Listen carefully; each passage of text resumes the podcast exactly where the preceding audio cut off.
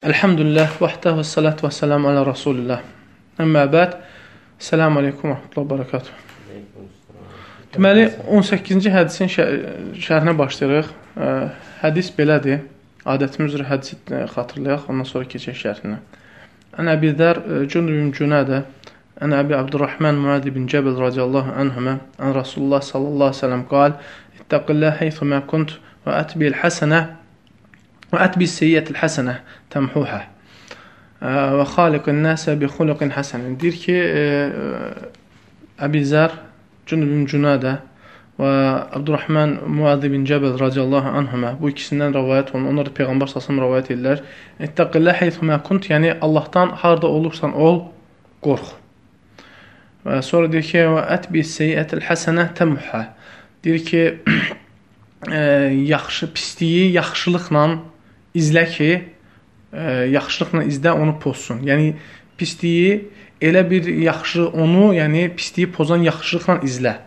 Və sonra deyir ki, "Və xaliqan nəsə bi xuluqin həsən." Deyir ki, insanlarla da ə, e, gözəl əxlaqla, yəni müamilə elə, rəftar elə.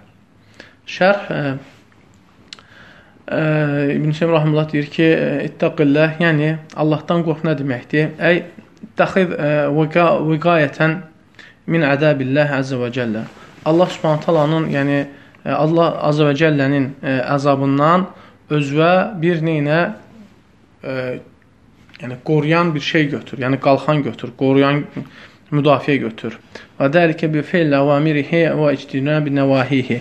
Və yəni təqva nə deməkdir qardaşlar? Yəni təqva elə bir şeydir ki, e, e, o insanı Yəni Allah Subhanahu əzabından qoruyur və bu təqva götürmək sözünün mənasını da şeyx izah edir ki, bu e, Allah Subhanahu əmrlərini icra etmək, yerinə yetirmək və Allah Subhanahu qadağalarından çəkinməkdir.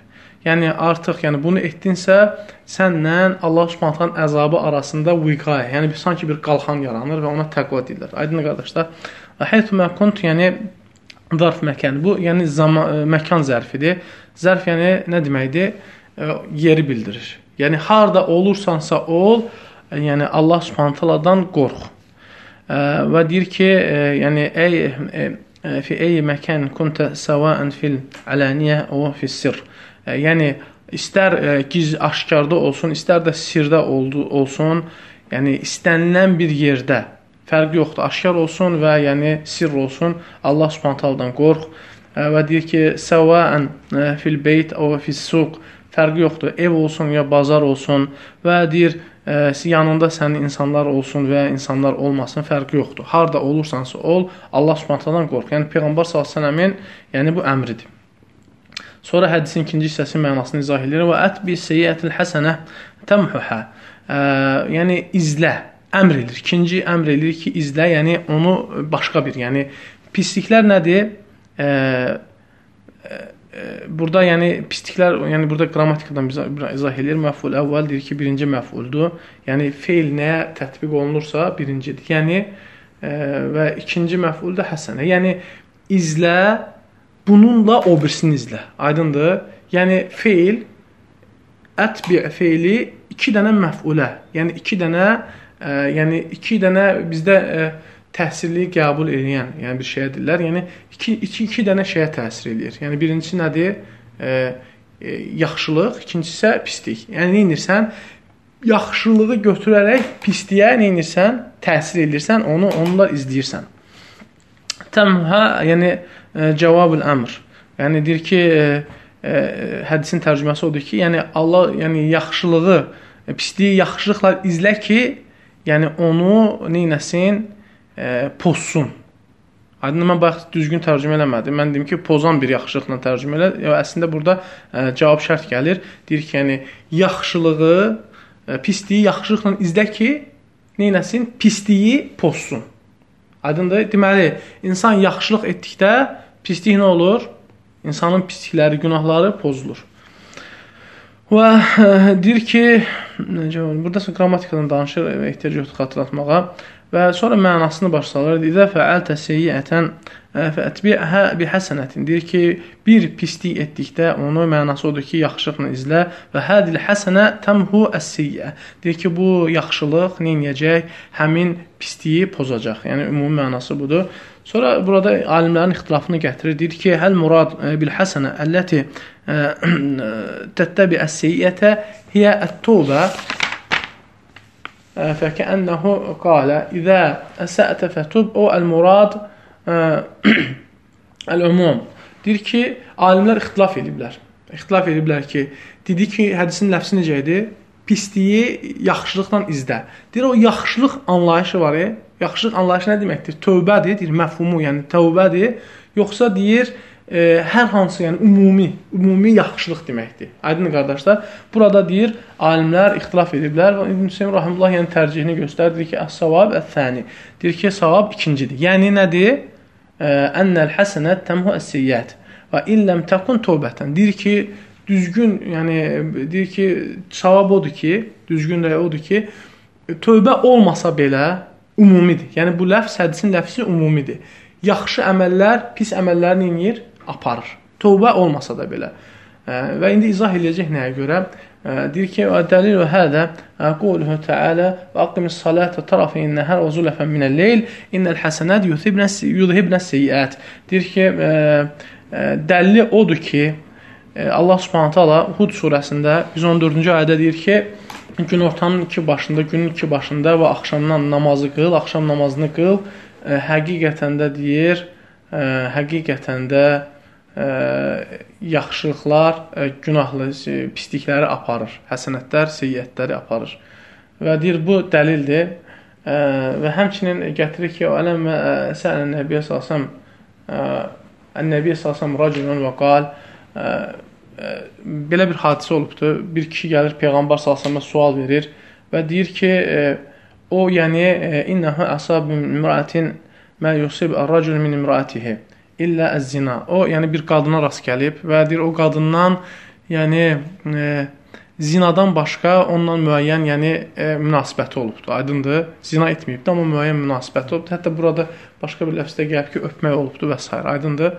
Və gəlir peyğəmbər sallallahu soruşur və deyir ki, e, bunun hökm barəsində soruşur ə, və deyir ki, "Və kana qad salla ma'hum al-fajr." Deyir ki, artıq deyir fəcr namazını da onlarla namazı qılmışdı və yəni ə, namazı cəmaatla, Peyğəmbər sallallahu yəni, yəni belə yəni zahir odur ki, onlarla qılmışdı və Peyğəmbər sallallahu deyir ki, ə, sən deyir fəcr namazı bizimlə qıldınmı? Deyir ki, bəli, qıldım. Fətələ aleyh əyə innel həsənət yuzibnə siyyət. Bayaqki Hud surəsindəki ayəni oxuyur. Deyir ki, həqiqətən də yaxşılıqlar, yəni pislikləri apar. Yəni ə, namazı, namazı burada nəzərdə tutulur. Aydındır çünki hə, hədisdə ayədə gəlir aqimis salah. Yəni cəmaatla namaz qılmağa işarə olunur və bu ayə də dəlildir ki, deyir, yaxşılıqlar pislikləri aparır, hətta tövbə olmasa belə. Təbii ki, burada ixtilaflar var, qardaşlar. Yəni görüşlər var və əslində əsli budur ki, yəni ümumidir. Ümumi yaxşılıqlar ümumi pislikləri aparır və burada müəyyən məsələlər var. İxtilaf eləyiblər ki, görəsən kiçik günahlar böyük günahları da aparır, yoxsa aparmır və deyiblər ki, yəni bu barədə də yəni dəlillər olub. Deyirlər ki, yəni ə, hədislər var, yəni ə, namazlar, cümələr, umradan umraya belə gəlib ki, günahları aparır. Həmçinin Allah Subhanahu taala Ən-Nisa surəsində ə, deyir ki, in təştənim kəbairəmə in təştənim kəbairəmətun ayə yadımdan çıxdı. Yəni deyir ki, böyük günahlardan çəkinsəz İn təştənimu kəbər mə tunhun an nukaffir ankum seyyiatikum. Deyir ki, siz böyük günahlardan çəkinsəz, biz sizə nəyərək kiçik günahlarınızı bağışlayarıq. Və yəni həmçinin ə, e, alimlər deyiblər ki, kiçik günahlar, kiçik günahlar. Yəni onlar tövbə olmasa bağışlanır. Yəni bir şərtlə ki, böyük günahlar orada olmasın. Həmçinin e, yəni ixtilaf ediblər ki, böyük günahlar Yəni bu kiçik günahlarla, yəni eyni cinsdə olmalıdır yoxsa eyni cinsdə olmamalıdır? Aydındır? Yəni əgər eyni cinsdədirsə, deyirlər ki, o əsli odur ki, yəni fərqi yoxdur. Yəni böyük günahlar tövbə ilə gedir. Çünki e, necə ki hədislərdə gəlib ki, e, tövbə edən sanki günah etməmiş kimidir. Aydındır qardaşlar. Yəni böyük günahlar tövbə ilə gedir. Yəni güclü, yəni görüş budur. Kiçik günahlar isə yəni əməllərlə gedir. Həmçinin bu hədisin özündə də ixtilaflar olubdur. İxtilaflar olub ki, yəni o, yəni bu qadınla, yəni hətta bəziləri deyiblər ki, orada yəni müqayyət gəlib ki, qadınla hətta zina elibdir. Lakin ona da cavablar var, müxtəlif cavablar. Lakin biz bununla kifayətlənək. İbn Hüseyn rahimehullahın yəni cavabından kifayətlənək. Çünki böyük günahlar tövbə ilə gedir. Kiçik günahlar isə kiçik günahlar isə yəni əməllərlə, yaxşı əməllərlə aparılır. Aydındır? Və həmçinin İbn Qayyim rahimehullah qeyd edib ki, burada yəni bu məsələ barəsində deyir ki, bəzən insanın yəni ə, əməlləri o qədər çox olur ki, Aydındır? O qədər çox olur ki, o, yəni böyük günahdan hətta tövbə eləməsə belə müəyyən hallarda kiçik günahları tam təmizləyəndən sonra böyük əməllər hətta nə edir? Keçir artıq böyük günahları da yavaş-yavaş təmizləməyə. Aydındır? Lakin bu təhlükəli məsələdir. Çünki biz bilirik ki, yəni qardaşlar, biz fitnələr zamanında yaşayırıq. Yəni buradan heç bir yəni məna çıxartmayaq. Günahlar yəni qəlbləri daşlaşdırır. Hə, və hər bir günahın da cəzası öz müslümdə günahdır. Yəni ümumiyyətlə günahlardan çəkinmək lazımdır. Fərqi yoxdur. Böyük kiçik günah və kiçik günah. Ona görə ə, hətta sələflərin arasında ixtilaf olundu. Yəni ixtilaf ə, olundu ki, kiçik günah, böyük günah, yəni ə, təfsilatı var yoxsa yoxdur. Yəni onlar da məsəl üçün əsli odur ki, var. Ə, çünki Həmisa Ən-Nisa surəsində dediyim in təştənəm kəbər ma tunhan kəfir ankum seyyiatikum. Yəni bu ayə göstərir ki, siz böyük günahlardan yəni çəkinsəz, sizin kiçik günahlarınızı bağışlayaraq bu cür gəlib. Ə, ə, həmçinin başqa bir surələrdə məsələn Nəcm surəsində gəlibdi. Həmçinin ə, ə, Kəf surəsində gəlib ki, Ən-Nəcm surəsində gəlib, Nəcm surəsində gəlib. Həmçinin ə, səhv etmirəmsə Şura surəsində gəlib ki, Əllezine yeştənibun kəbər ism lil fəva Əllezine yeştənibun kəbər ism vəl fəvahişə illə ləməm. Yəni bu Nəcm surəsində gəlib. O kəslər ki, böyük günahlardan və fahişə işlərdən çəkinirlər illə ləməm. Yəni ləməm kiçik günahlar istisna olmaqla. Yəni kiçik günahları Allah Subhanahu bağışlayır. Aydındır? Belə ləfz gəlib. Həmçinin e, e, məsəl üçün Kəf surəsinin özündə gəlib ki, qiyamət günü o kitab ələ düşəndə onlar yəni kafirlər, zalimlar, özlərinə zülm edənlər, hətta Allah alim, yəni ləfs ümumidir. Onlar nə deyəcəklər? Deyəcəklər ki, e, yəni deyəcək ya vəllətənə Məli hədəl kitab la yuğadir saghiratan və la kabiratan illa ahsaha. Deyir ki, vay bizim halımıza bu necə kitabdır? Yəni nə bir böyük günah, nə də bir kiçik günah demir, hamısını yazıbdır. Aydındır? Bunlar göstərir ki, böyük və kiçik günahlar var, təfsilatı var. Lakin böyük günahlar barəsində deyir ki, tövbə onu aparır. Aydındır qardaşlar, tövbə və müəyyən əməllər var. Məsəl üçün ə, insanın yəni İslam'a yəni, girməsi, aydındır, İslam'a girməsi. Yəni təbii ki, biz müsəlmanlarıq. Yəni, yəni qeyri-müsəlman İslam'a girərsə, onun İslam bütün günahları aparır. Hicrət, yəni bütün günahları aparır özündən əvvəlki. Həmçinin nədir? Həcc. Məbrur həcc insanı anadan gəlmə eləyir. Və bunlar da nəyə görədir, qardaşlar? Bunlar elə bir əməllərdir ki, onların, yəni tövbə mütləq onların daxilindədir. Yəni insan təsəvvür edə bilmir ki, yəni həcc eləsin və yəni e, tövbə eləməsin və hətta hicrət eləsin, tövbə eləməsin. Hicrət yəni nə olur? Yəni günahlardan hicrət edirsən, aydındır qardaşlar? Yəni böyük günahlardan hicrət edirsən, o böyük o qədər böyük əməldir ki, o hətta böyük günahlar aparır. Qalan əməllər barəsində ixtilaflar var. Yəni deyiblər ki, aparır yoxsa aparmır. Yəni belə qərar belə belə yəni götürək ki, bizim üçün daha salamatdır. Böyük günahlar ancaq tövbə ilə silinir. Kiçik günahlar isə onların arasında ə, yəni ə, həm yəni ə, müxtəlif yəni əməllərlə namazdan namaza, cəmaət namazından cümədən cüməyə aydındır və həmçinin ə, digər ə, salih əməllər etməklə aydındır silinir. Hə, Allah ələm, yəni əməllər nə qədər böyükdürsə, o qədər də yəni onların ə, yəni günahları təmizləmək ehtimalı da o qədər böyükdür. Lakin insan üçün, insan üçün salamatı olan qorxu ilə ümid arasında olmaqdır. Çünki nəyə görə? Hətta sən kiçik günah saldı, saydığın, necə ki Abdullah ibn Məsud deyir ki, siz kiçik günahın deyir böyüklüyünə, kiçiyinə baxmayın. Deyir ki, siz onu kimin qarşısında edirsiniz, ona baxın. Aydındır və ona görə İbn Qayyim rahimehullah izah edir ki, bu məsələləri izah edəndə deyir ki, Bəzən insan böyük günah eləyər, lakin qəlbinin halından o günah nə olar? Kiçik günahdan da kiçik olar. Aydındır? Lakin bəzən də insan kiçik günah eləyər, qəlbinin halı o vəziyyətdə olar ki, o böyük günahı da keçər. Allah qarşısında böyük bir günah ola bilər. Aydındır? Hə. Ona görə yəni ehtiyatlı olmaq lazımdır. Biz nə etməliyik? Daim tövbə etməliyik. Böyük günahlar, kiçik günahlar, bildiyimiz və bilmədiyimiz bütün günahlardan tövbə etməliyik. Daim tövbəni təzələmək lazımdır. Peyğəmbər sallallahu əleyhi bir məclisdə 70 dəfə istiğfar eləyərdi. Aydındır? Və həmçinin İstiğfarla tövbənin fərqini də biz vaxt danışmışdıq yazə gəlir. Və həmçində insan nə etməlidir? Savablara can atmalıdır və heç bir, yəni günahının bağışlanmasına əmin olmamalıdır. Aydın qardaşlar, biz ümid eləyirik. Yadınıza gəlir necə ki, o e, zina edənin, yəni hədisi barəsində danışanda dedik ki, günahların bağışlanmasına, böyük günahların bağışlanmasına nə vaxt əmin oluruq? Kim deyər? Hə? O vaxt əmin oluruq ki, ona kəffarə oldu. Aydındır. Misal üçün necə ki daşqalaq olundu, aydındır.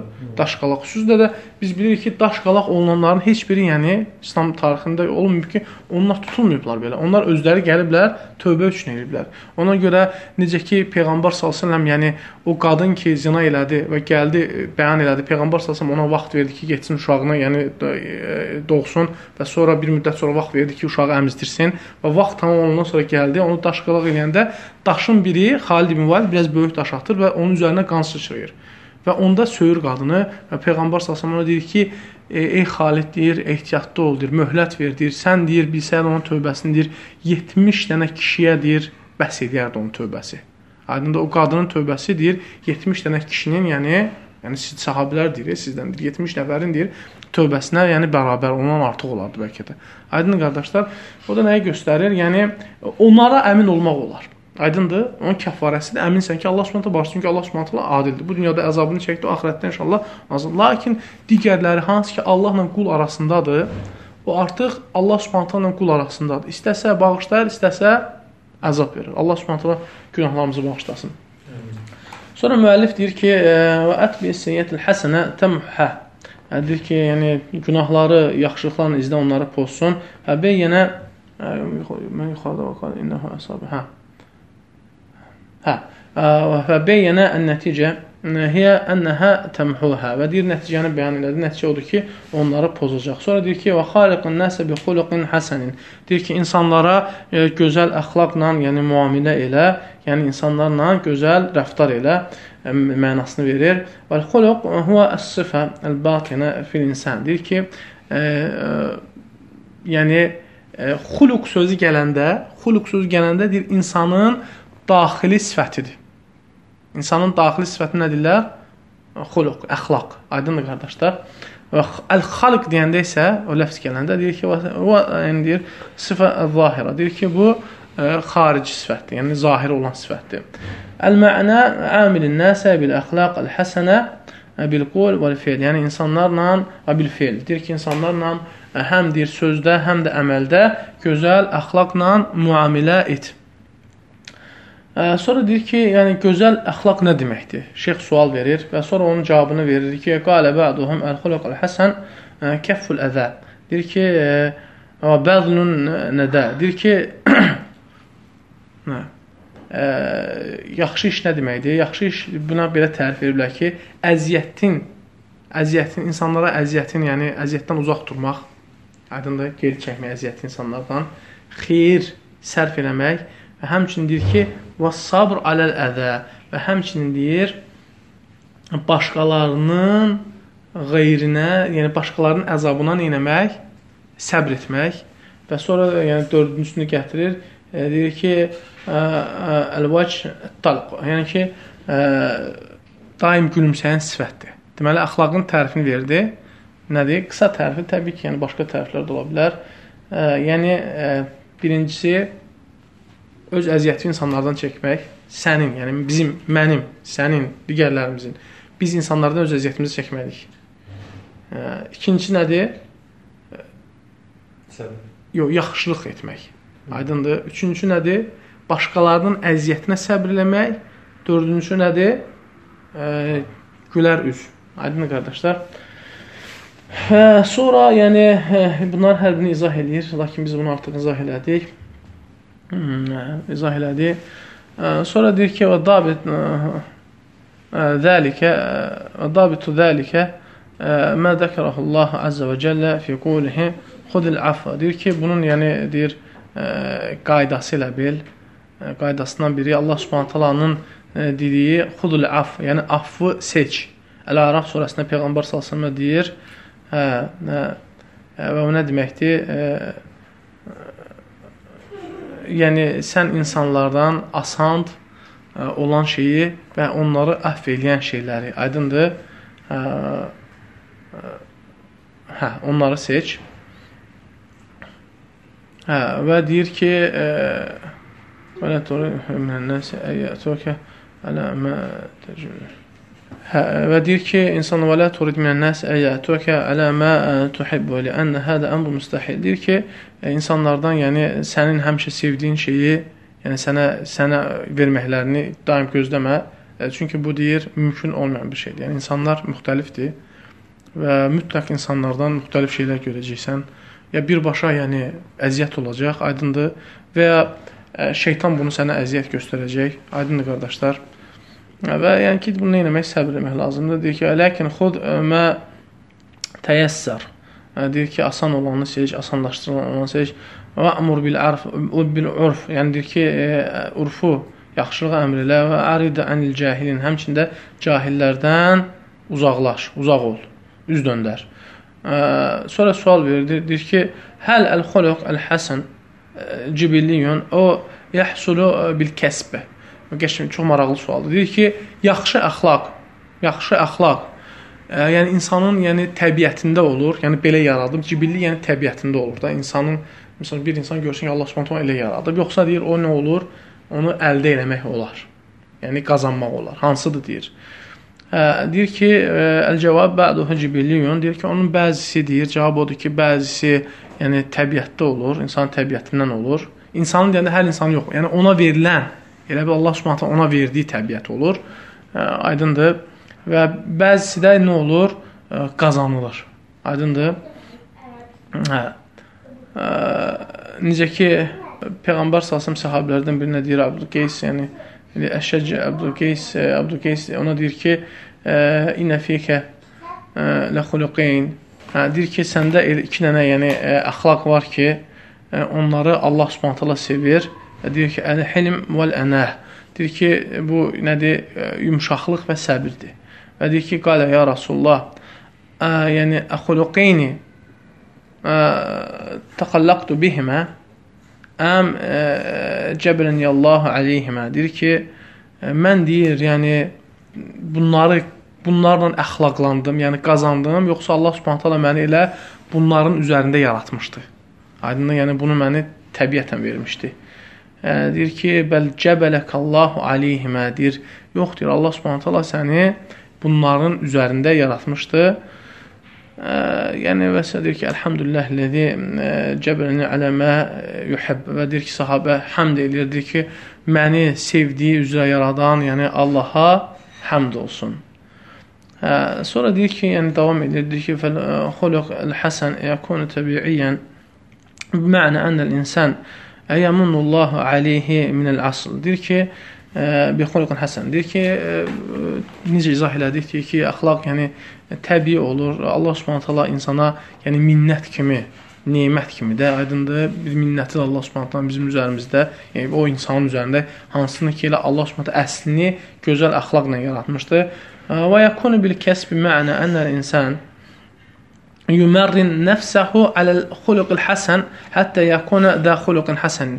Deyir ki, insan özünü deyir, Allah Subhanahu yəni gözəl əxlaqa öyrəşdirir, məcbur eləyir. Aydındır? O vaxta qədər ki, o vaxta qədər ki, insan doğrudan da o, yəni əxlaqa ə, nail olur. Əxlaqın da şöbələri, yəni fərqlidir qardaşlar, aydındır? Yəni ə, bütün yəni yaxşı əməllər hətta əxlaqın şöbələrinə daxil ola bilər. Necə ki İbn Teymiyyə rahimehullah deyir ki, əxlaq yəni iki istiqamətdədir. Birincisi, yəni bu kitabdan əlavə şərtdir, yəni izahdır. Yəni birincisi Allah Subhanahu taalanın Allahla, e, insanın Allahla, yəni Xaliqlə əxlaqı Biz bunu da yəni başqa dərsdə də İbrahim əleyhissalam barədə dərsdə ona görə biz iki dənə ayrı-ayrı yəni mövzu açdıq. İbrahim əleyhissalamın yəni Allahla əxlaqı, duaları yadca gəlir və sonra da digər yəni e, mövzu isə insanlarla əxlaqdır. Yəni əxlaq doğrudan da yəni sələflər iki yerə bölünüblər. Bir Rəbblə əxlaq və yəni e, bu məsələlərə birinci yəni daxil olur. Allah Subhanahu taalanı e, bütün sifətlərində təkləşdirmək aydındır. Allah Subhanahu taalanın rububiyyətini başa düşmək, dərk eləmək və rububiyyəti, yəni iqrar eləmək və həmçinin rububiyyətin də insana gərəkdirdiyi, yəni e, insana istilzam elədiyi e, uluhiyyət təvhidini e, dərk öyrənmək, birinci öyrənmək başlayır, öyrənməkdən başlayır. Birinci öyrənmək və sonra isə ona əməl eləmək. Aydındır? Və tövhidə zidd edən əməlləri tərk eləmək və tövhidi, yəni gücləndirən əməllər, həm tövhidi həm pozan, həm zəifləndirən əməlləri tərk eləmək, həmçinin tövhidi kamilləşdirən əməlləri öyrənmək və əməl etmək bu nə edir? E, insanın e, uluhiyyət tövhidini möhkəmləndirir və bu da əxlaqdandır, Rəbbinin əxlaqdandır. E, və e, üçüncü də gəlir ad və sifətlər məsələləri. Aydındır? Allah Subhanahu Quran deyir ki: "Və lillahil əsmaul husna fəd'u biha."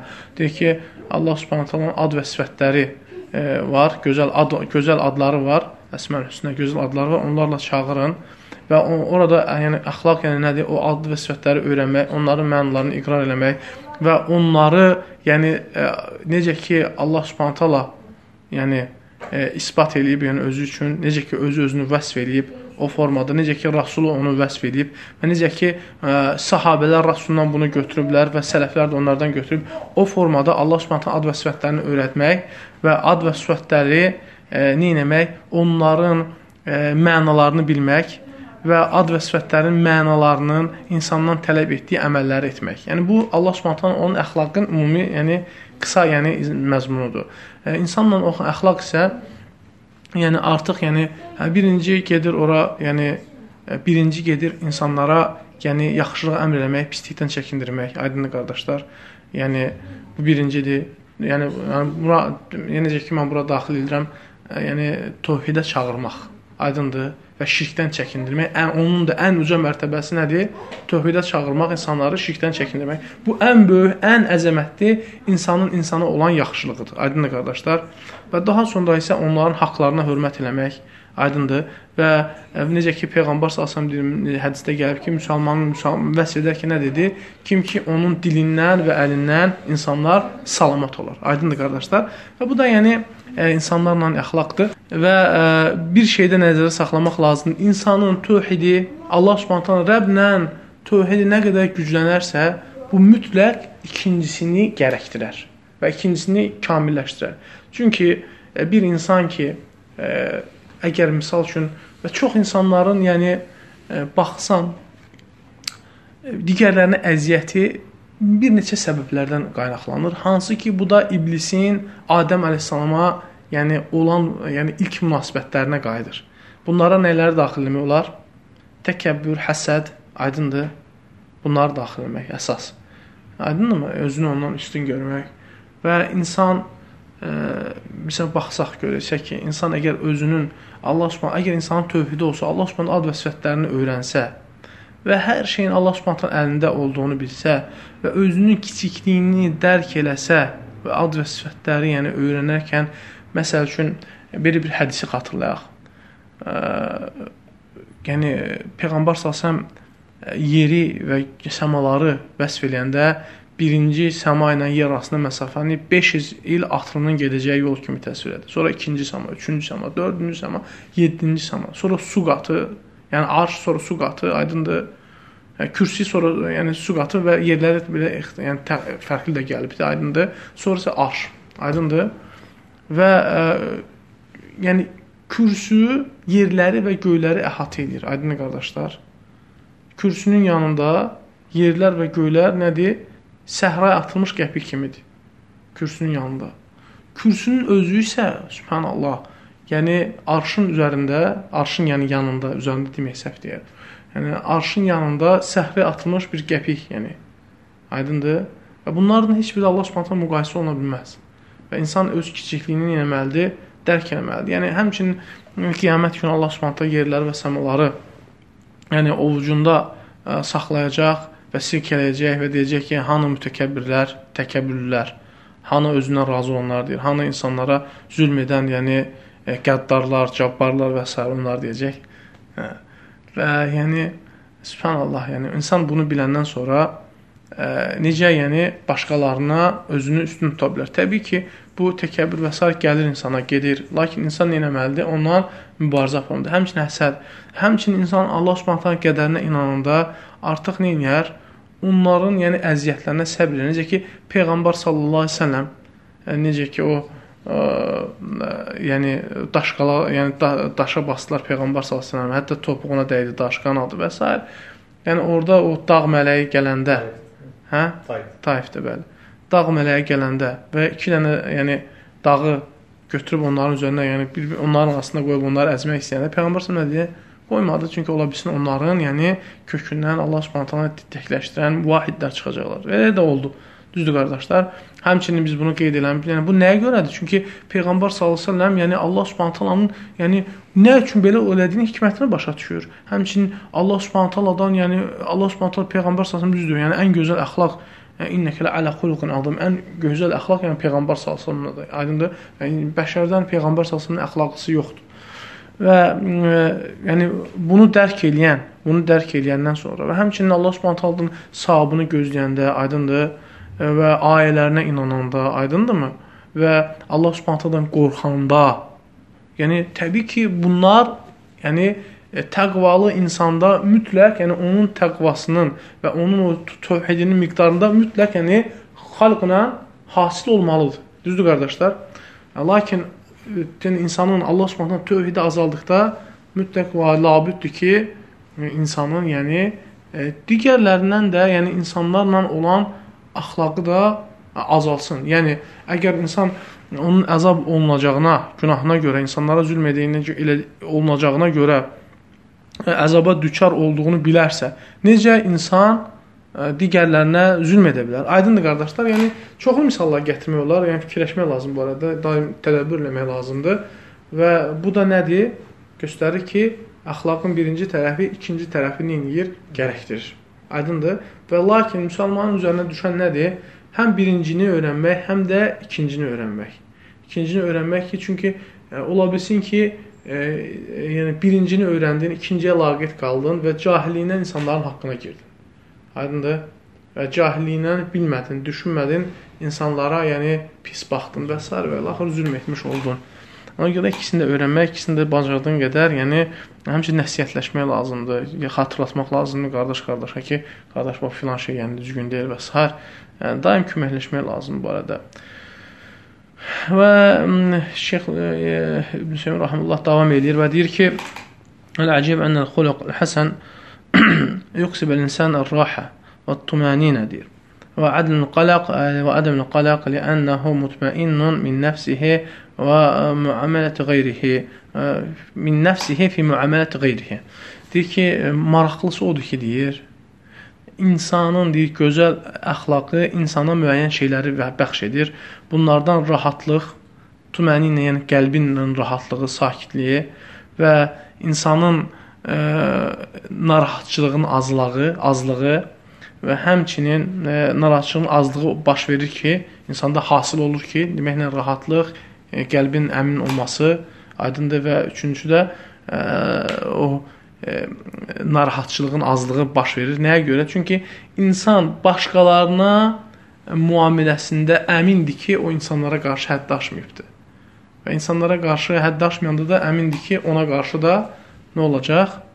İnsanlar tərəfindən yəni zülm, əziyyət az olacaq. Aydın qardaşlar? Ə, və bununla yəni deməli şərt hissəsi bitir, yekunlaşır və inşallah faydalar hissəsinə davam edək. Hədisin faydalarından ə, birinci fayda vücubu təqvallah əzə və cəllə heythu məkan insan ə, deyir ki, insanın harda olursa olsun, Allah Subhanahu taala azza və cəllədən, yəni e, təqvasının vacibliyi. E, çünki nəyə görə deyir hədisdə ki, ittaqillah haythu ma kunt deyir ki, harda olursan olsun hədisdə qeyd elədi ki, Allahdan qorx və dəlikə bi fiil və dəlikə bi fiil avamirihi və ictinab nawahihi sawa'an kunta fil alaniya aw sir. Deyir ki, bu ə, e, fərqi yoxdur. İstəyir aşkarda oldun, istəyir sirdə oldun, fərqi yoxdur. Bu Allah Subhanahu əmrlərini icra eləmək və onun qadağalarından çəkilməklə hasil olur. Və eyyuhmə əftal ən yakuna fi sir əv fi alaniyə. Deyir ki, ə, hansı yaxşıdır, sirdə olması, yoxsa aşkarda olması. Və deyir ki, və hidə və, və fi hədə təfsil. Deyir ki, burada təfsil var, detalları var. Aydındır? Ə, haldan hala dəyişir. İdə kənə izharuka lit-taqva yahsul bihi at-ta'assi والاتباع لما أنت عليه فهنا إعلانها أحسن və afdalu. Deyir ki, əgər sənin deyir təqvanı ə, yəni ə, zahir göstər etməyində, yəni təqvalı olmağı izhar eləməyində insanlar üçün nümunə və sənin üzərində olduğun işi izləmək, yəni e, ehtimalı varsa, aydındır, əgər hasil olacaqsa, yəni insanlar səni izləyəcəklər, səndən örnək götürəcəklər, yəni sənin təqvandan, deyir onda, deyir onu zahirən göstərmək daha faydalıdır. Aydındır? Və deyir ki, və lihədə əmədəhəllah əllədinə yunfiquna əsirran və ələniyətən və qalə nəbi sallallahu sellem deyir ki, ona görə Allah taala Peyğəmbər hədisi deməmişdən qabaq deyim ki, Allah Subhanahu taala deyir ona görə də həm sirdə, həm də yəni aşkarda sədaqə verənləri, yəni Quranda nədir? Əllezine yunfiqun fi sarrat dollara, yəni belə gətirib həm aşkarda, həm gizlində, yəni sədaqə eləyirlər. Həmçinin Allah Subhanahu Quranda nə deyir? Deyir ki, tubdu sadaqat və ni'məhi, yəni Bəqara surəsində deyir sədaqələri aşkar etsəz necə də gözəldir. Və in tukhwatuhal fuqara fa huwa khairul lakum. Deyir ki, və lakin deyir onu gizlətsəz və onu kasıblara, yəni fəqirlərə paylasanız, o daha yaxşıdır. Yəni göstərdi ki, hər ikisi yaxşıdır. Aydındır, deməli məqamına baxır. Aydındır bu hədisin təfsirində gəlir ki, məqamına baxır. Həmçinin Peyğəmbər əleyhi hədisdə gəlir ki, deyir ki, "Mən sənnə fil İslam sünnətən həsənətən fələhu əcruha əcru men amilə biha ilə yevmil qiyamə." Deyir ki, Peyğəmbər sallallahu hədisdə deyir ki, Müslimdən gələn hədisdə deyir ki, zəkat kitabında deyir ki, kim deyir İslamda bir gözəl sünnət qoyarsa, yəni ilk qoyar, nardan olarsa və deyir o sünnətə görə onun onun deyir həm o sünnətin əcrini həm ona gələcək, yəni o sünnəti qoyana, məsəl üçün bir sünnət elədin, düzdürmü? Həm ona gələcək, həm də o sünnəti qiyamətə qədər izləyənlərin savabı, əcrləri nə olacaq? Həmin adama gedəcək. Aydındır? Adam onu qazanacaq. Aydındır? Əmmə idə kənə yəhsulu bil izhar faidə deyir ki, əgər fayda hasil olmazsa aşkar eləmək də, onda deyir cavabda deyir ki, fəl israr əfdal, deyir ki, onda gizlətmək daha yaxşıdır. Əgər aşkar eləməkdə fayda yoxdursa, onda gizli eləmək nədir? Sirdə eləmək daha yaxşıdır. Çünki Peyğəmbər sallallahu əleyhi və səlləm qiyamət günü deyir, o kəslər ki, Allah Subhanahu yəni 7 qrup adamı, yəni nə edəcək? Heç bir kölgənin olmadığı gündə Allah Subhanahu öz kölgəsində o adamlarda, yəni o adamları kölgələndirəcək. Onlardan bir qrup kim idi? Bir bir bir yəni qism hansıdır? Bir cins hansıdır? Raculun təsaddaqa bi sadaqatin fa akhfaha hatta la ta'lamu shimaluhu ma tunfiqu yaminuhu. Deyir ki, o kişi ki, o deyir Allah üçün yəni sədaqə edər və o sədaqəni gizlədər. Hətta deyir onun deyir sağını, solunun elədiyini, ə, sağının verdiyini solu bilməz. Aydındır qardaşlar. Ə, sonra sual verir şeyx deyir ki: "Həl əfdal fit-tərk el-məasi eylanuhu israruhu." Deyir ki, bəs günahları tərk eləməkdə onun aşkar olunması daha yaxşıdır, yoxsa onun gizli olması daha yaxşıdır? Və deyir ki, burada yəni ə, əmrlərdə deyilən söz yenə burada aiddir. Yəni təfsir var, təfsilat var. Aydındır? Ə, misal üçün ə, insan ə, deyir bir şey misal gətirir, deyir ki, məsələn, idə kana insan yuridu ay yadxul yadxul fi amalin fa qila lahu deyir ki, insan bir işə girmək istəyir. Və ona dedilər ki, ə, ona cavab verdilər. Ona dedilər ki, yəştəmilu alə muharramin kəl umur ribaviyyə deyir ki, misal üçün bir işə girmək istəyir insan, məsələn bankdır misal üçün də. Ona deyirlər ki, bu iş nədir? Orada riba məsələləri var. Aydındır? Və deyir onda, onda nə demək? Fətərkuhu ciharan. Deyir ki, onda deyir onu açıq, aydın bəyan eləməklə tərk eləmək o işi daha yaxşıdır. Nəyə görə? Cavabını gətirir. Deyir ki, Zəlikə əfdal li'ənəhu yutəəssə bihi. Çünki insanlar da ona baxacaqlar. Məsəl üçün biri gəlir tutaq banka, intervyu oldu da, düzdürmü? Dedilər ki, bank yox, bir işə girir. Bir bankı çox indi mərufdur da. Yəni kim gedib banka bir dəqiqə işə gedər özü ağlından da. İllə ki, yəni tam əmin olsa ki, İslam bankıdır. Həm məsələn biri getdi bir işə intervyu dedilər ki, burada riba əməliyyatları var. Və çıxanda açıq aydın, yəni bəyan elə ki, bu necə də Allahdan qorxmursa, sər belə bəyanla çıxdı. Təbii ki, o qapının ağzında gözləyənlər misal gətirəm, hə. Onlar da görəcəklər, bəziləri fikirləşir doğrudan, yəni Əlhəmdülillah qardaş qorxdu Allahdan Subhanahu Allah Subhanahu biz niyə qorxmayaq və s. Hətta bəziləri bəlkə də başa düşməmişdi, gözləri açılacaq. Aydındır?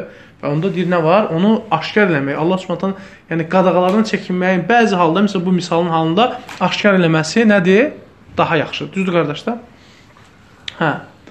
Və sonra deyir ki, amma idə kənəl əmr la yətəəddə ilə ilə-l-ğayr deyir ki, deyir, deyir ki, əmr lə yətəəddi ilə-l-ğayr deyir ki, başqasına yəni təsir göstərmirsə, deyir ki, və lə yəntə yəni əl-ğayr lə yəntəfi bihi fəl-israr əfdal deyir ki, və o başqası bundan faydalanmırsa, onda nə olur? Deyir, onu gizli eləmək daha yaxşıdır. Aydındır? Yəni günahı tərk eləmək deyir, əgər başqalarına fayda yoxdursa açıq olmasında, onda günahı, yəni tə, gizlin tərk eləmək daha yaxşıdır. Allah Subhanahu öz aranda saxlamaqda. Aydındır? Nəyə görə?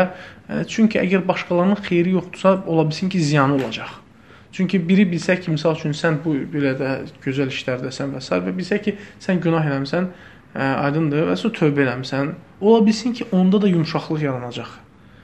Yəni aydındır. O hardan bilir ki, sənin tövbən, yəni hansı dərəcədə olub, sən hansı əziyyətləri çəkmisən, hansı, yəni e, necə ki, insan günah edəndən sonra tövbə edəndə necə hansı hallara düşür, aydındır, qəm, kədər. Bəlkə də başa düşmədi onlar, aydındır. Və fikirləşdi ki, iş doğrudan da bu qədər asandır. Günah edəcəm və sonra tövbə edəcəm, iş bitəcək. Aydındır qardaş?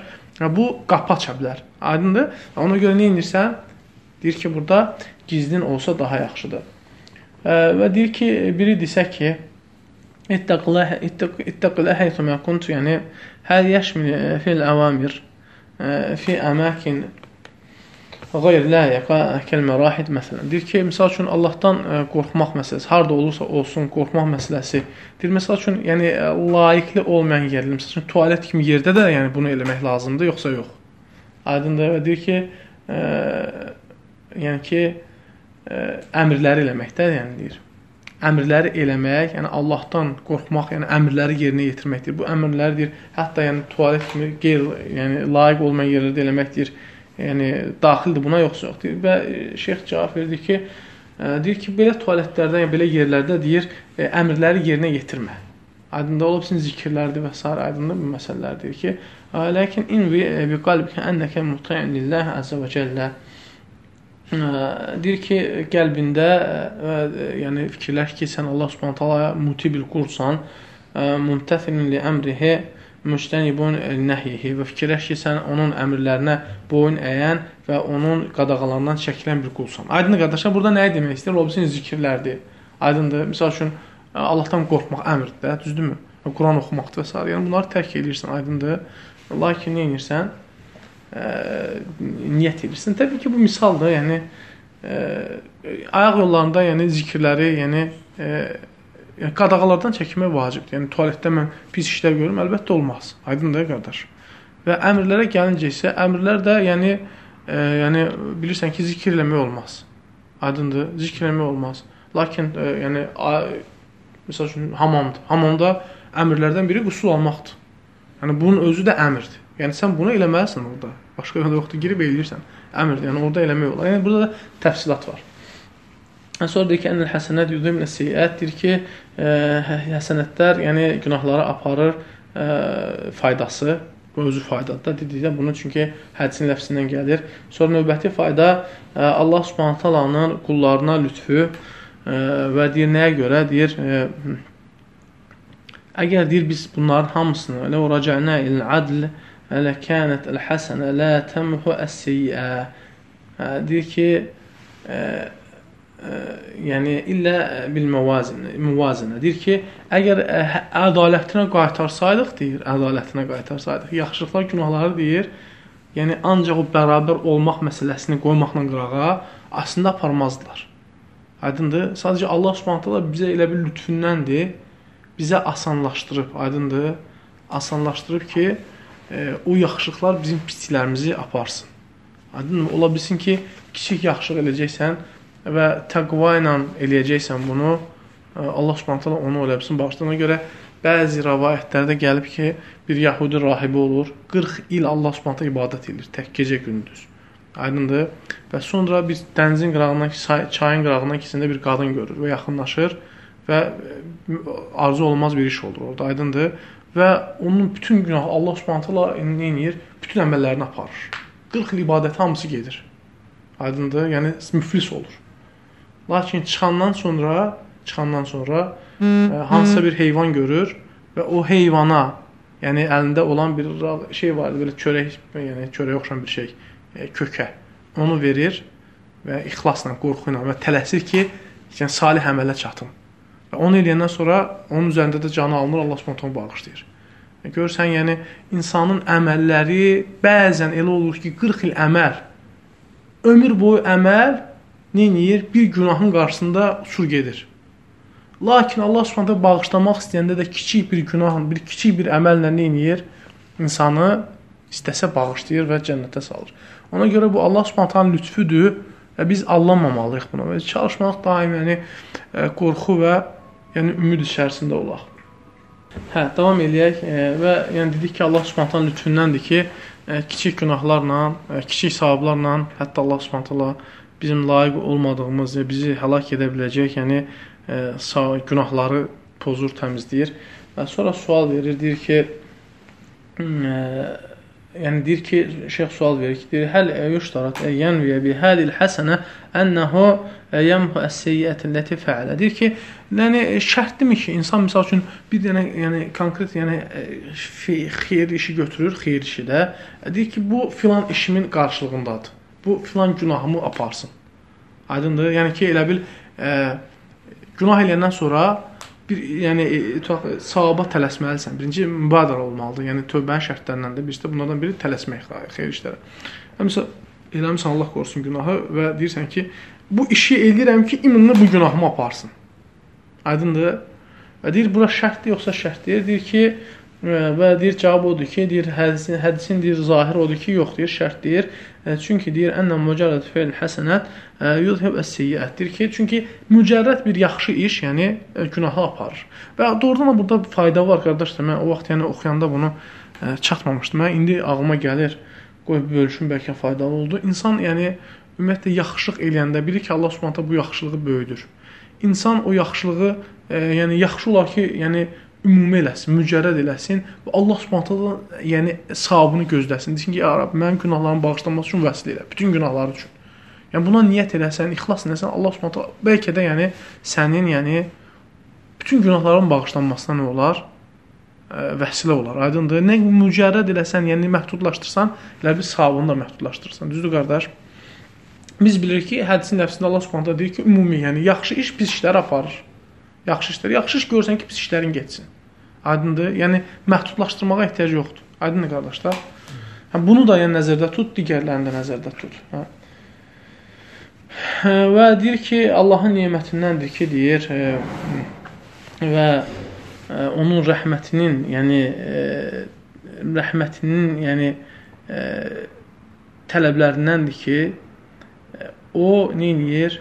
E, onun yəni rəhməti e, onun elə bil qəzəbinə üstün gəlibdir. Aydındır qardaşlar və bu Allahın rəhmətindəndir. Allah Subhanahu rəhməti, yəni Allah Subhanahu qəzəbinə e, üstün gəlib. Aydındır və bu da Allah Subhanahu bizim, yəni Allah Subhanahu e, bunun, yəni elə bil bu işin rəhmətinin qəzəbinə üstün gəlməsinin, yəni lazım elədiyi şeylər var. Lazım elədiyi şeylərdən biri də o nədir? Yaxşılıqla pislikləri aparır. Və necə ki, rivayət gətirdim sizə, aydındır. Orada da görsəndi ki, balaca bir işlə 40 ilin əməlini aparan günahı bağışlayır. Aydındır. Allah ələm, yəni hədisiniz. Allah ələm, yəni rivayətdir. Dərsdən götürmüşəm, lakin xatırlamıram. Fayda üçün xatırlamıram isnadını, lakin fayda üçün dedim. Ondan sonra e, faydalardan biri e, el-həth Hə, deyir ki, həttu alə müxalaqatin nəs e, bil xuluqul həsən. Hə, deyir ki, insanlarla gözəl müamilə eləmək, insanlarla gözəl müamilə eləmək e, üçün e, yaxşı əxlaqı götürməyə, yaxşı əxlaqdan tutunmağa, yaxşı əxlaqla müamilə eləməyi, yəni həvəsləndirmək. Yəni bu hədisin faydalarındandır. Çünki nə dedi? Və xaliqun nəsə bi xuluqun həsən insanlarla gözəl əxlaqla müamilə elə. Sonra bir sual verir. Şeyx deyir ki, əgər sual versələr ə, ki, ə, insanlarla cəzmlə, yəni sərtliyin, dəqiqliklə, qüvvətlə və sərtliklə deyir, bəzən rəftar olunur. Deyir ki, bu o hədisə qarşıdır yoxsa yox? Aydındır? Və deyir ki, yox deyir. Buna qarşı deyil. Çünki li'annahu likulli maqamin maqal. Deyir, bəli, hər məqamın deyir özünə münasib nəyi var? Yəni sözü var. Yəni əməli var, belə deyək də. Aydındırmı? Və idza kun kanat al-maslaha fil ghilza və şiddə fə alayka biha. Əgər məsləhə sərtlik və şiddətsə, onda nədir? Məsləhəti izləmək, yəni sənin üzərindədir. Aydındırmı? Hə, və hətta yəni peyğəmbər sallallahu əleyhi yəni rəvayət olunubdur. Necə ki, Peyğəmbər salsam o münafiqlər məscidə gəlməyənlər barəsində danışanda, yəni qəzəblə danışdı. Hətta evlərini yandıraram. Aydındır?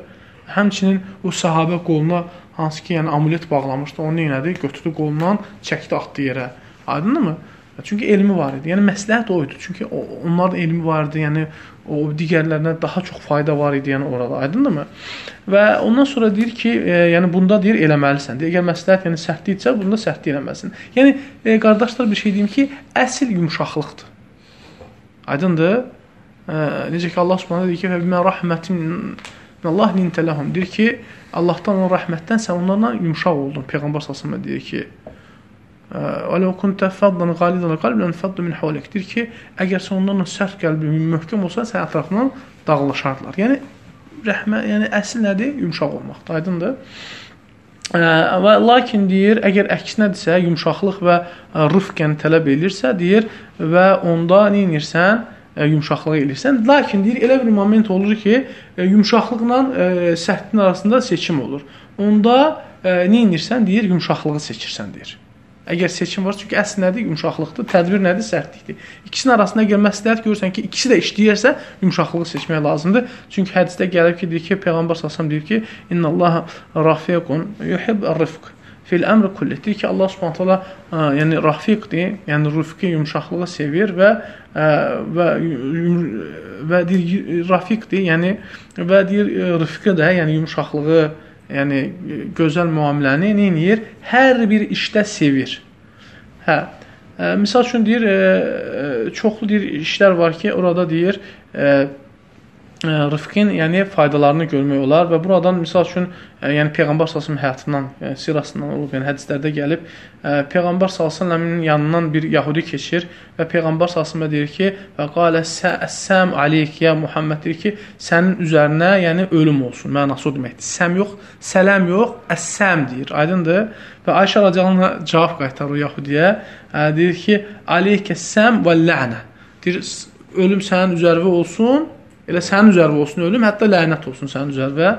Yəni ki, necə ki deyir cəzəən vifaqan ona münasib olan cəza ilə və həmçinin artıqlamasından cavabını verir də. Peyğəmbər sallallahu onda nə deyir ki, deyir ki, "İnnallah rafiqun yuhibbur rifqa fil amri kulli." Deyir ki, Allah Subhanahu rafiqdir və o hər bir şeydə rifqi, yəni yumşaqlığı sevir. Və deyir ki, "Və idə səlləmə aleykum əhlul kitab fəqulu və aleykum və deyir ki, sizə əhl-i kitab yəni desə ki, belə bir şey desə, əssəlamu aleykum desə, yəni sizə salam versə, salam versə, bu da ümumləndirdi. Onlara nə deyin? Deyin və aleykum deyin. Nəyə görə? Çünki bilmirsən, əssəlam dedi, yoxsa əssəm dedi. Aydın, lakin burada da təfsilat var. Alimlər deyiblər ki, əgər əminsən ki, əssəlam dedi, onda elə cavabında elə qaytarırsan. Aydın qardaşlar, Allah əl-müvaffiq, yəni Allah Subhanahu müvəffəq eləyəndir, müvəffəq, müvəffəqdir, yəni müvəffəqiyyətə çatdırandır. Elhamdülillah bitirdik. Və sallallahu alə nəbiyinə və alihi və sahbihi əcməin və məvələ. İxlasla.com saytı tərəfindən təqdim olundu.